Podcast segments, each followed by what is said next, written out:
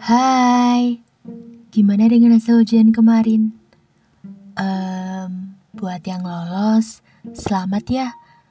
Dan buat yang gagal, gak apa-apa. Saya juga sudah banyak mengalami gagal, tapi saya masih yakin gagal tuh bukan akhir dari segalanya. Seperti kata pepatah, kegagalan itu adalah kesuksesan yang tertunda. Sebenarnya kalimat itu cukup sulit sih untuk dilakukan. Apalagi yang namanya jadi manusia, pasti nggak bakal lepas sama perkataan pengen sukses. Sukses karirnya, hubungannya, bahkan masa depannya. Tapi begini, bicara masalah sukses, menurut kalian apa sih sukses itu? Kalau bagi saya nih ya, yang namanya sukses tuh nggak cuma melulu tentang menang, juara, ataupun dapetin apa yang kita inginkan. Sukses tuh gak bisa dilihat dari nilai. Sukses itu adalah tentang bagaimana kita memandang sesuatu. Bill Gates pernah mengatakan begini, bahwa ukuran kesuksesan itu cuma bisa diukur dari seberapa kita bahagia. Nah, gimana caranya kita bisa bahagia?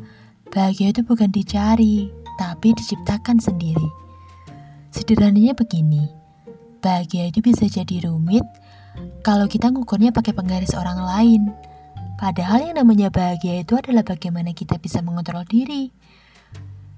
Dan mungkin di satu sisi, kita merasa gagal kali ini membuat kita menjadi manusia yang tertinggal.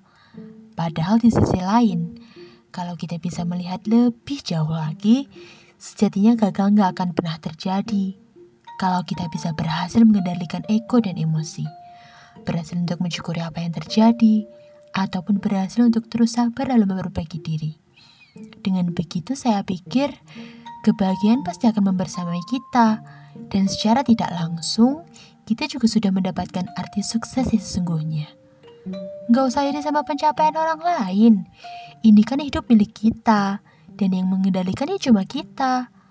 Kalian tahu gak sih, selama kita hidup, selama itu pula gagal dan sukses akan mengelilingi kita seperti bumi yang akan terus berputar.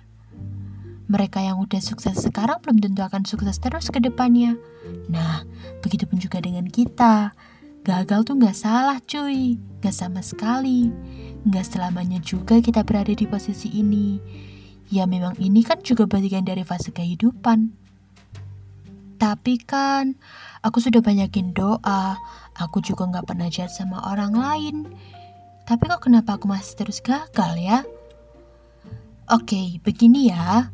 Mau seberapa besar kebaikan yang udah kita lakukan ke orang lain, atau sebanyak apa ibadah yang udah kita lakuin tapi berujung gagal, itu nggak ada yang salah.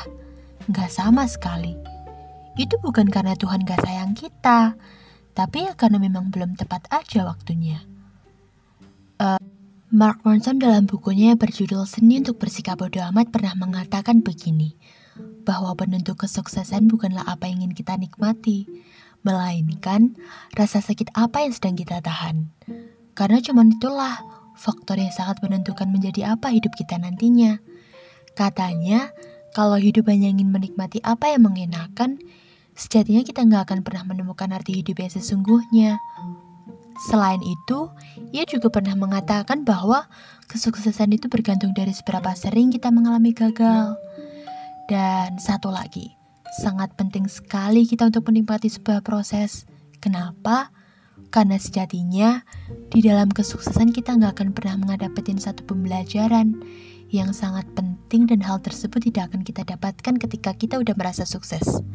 Sabar ya, tiap orang pasti sampai ke tujuannya. Cuma kendaraan dan waktunya saja yang berbeda.